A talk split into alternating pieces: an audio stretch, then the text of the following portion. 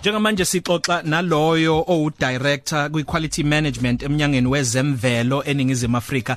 Kuyintokozo ukuthini ukuthi sibingelele kumnumzana uvumile Senene. Mnumzana Senene, ake sibuze ukuthi njengoba namhlanje kuyi World Environment Day eningizimu Afrika nezinselelo zethu zemvelo, asiyulibungaze kanjani lolu suku?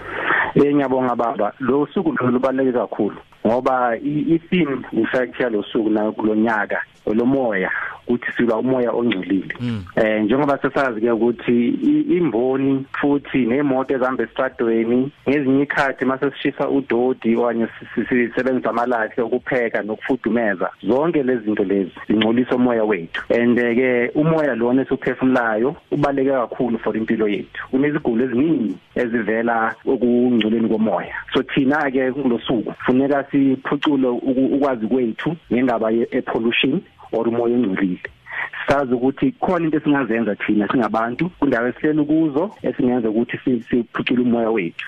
Njengoba sengishilo ukuthi ukushisa udodi nje nje example or ukushisa amathayera for whatever reason ngcolisa umoya wethu. Njobo usho ukuthi ezikhona ke ezinye indlela esingakwazi thina ukuzenza noma ukuthi sizame ukuthi eh ukunciphisa ukuthi silokhu singalokho singcolisa umoya iziphi lezo indlela Ah njengoba ngishilo ukuthi eyoqala efuneka nje singayenzi nokuyenza ukuthi mhlambe makunokucufucu shethi sesikhathele kuyibona sometimes asishiseni because izaletha izigulo.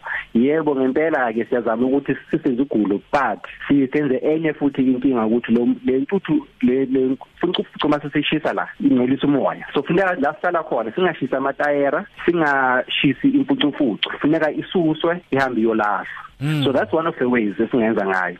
Enye futhi ukuthi mhlawumbe if siyakwazi ke sibeke imoto zethu emakhaya sizama ukusebenzisa amabhasi amateksi njalo njalo. Because moya emadorobheni uyabona imoto egcwele kangakanani? Nazo le moto lezi zikhipha umoya ongcolile. So funeka sizame ukuthi si siye ku public transportation sizama ukusebenzisa lezo sishiya imoto emakhaya. Asikhulume manje ukugcina nomzana senene sikhulume ngeglobal warming ukuthi lokhu konakala komoya ngenxa yezizathu siyichazile ukushisa kwadoti nentuthu ekhishwa yimboni uma zikhiqiza kudala umonakalo onjani nongakanani kwi global warming? Ku global warming eh iyasokolisa ngempela. Because into esibonayo manje ukuthi imo yezulu iyashintsha shintsha ngezinye ikhathi kuba nembalela ngezinye ikhathi kuba nama floods njengoba sesibonile ngekudala lana futhi eKZN um inyanga kaApril kwaba nama floods kwashona abantu abambalwa as a result ukuthi imvula lezi sesifika ngenye indlela esingayilindelanga manje.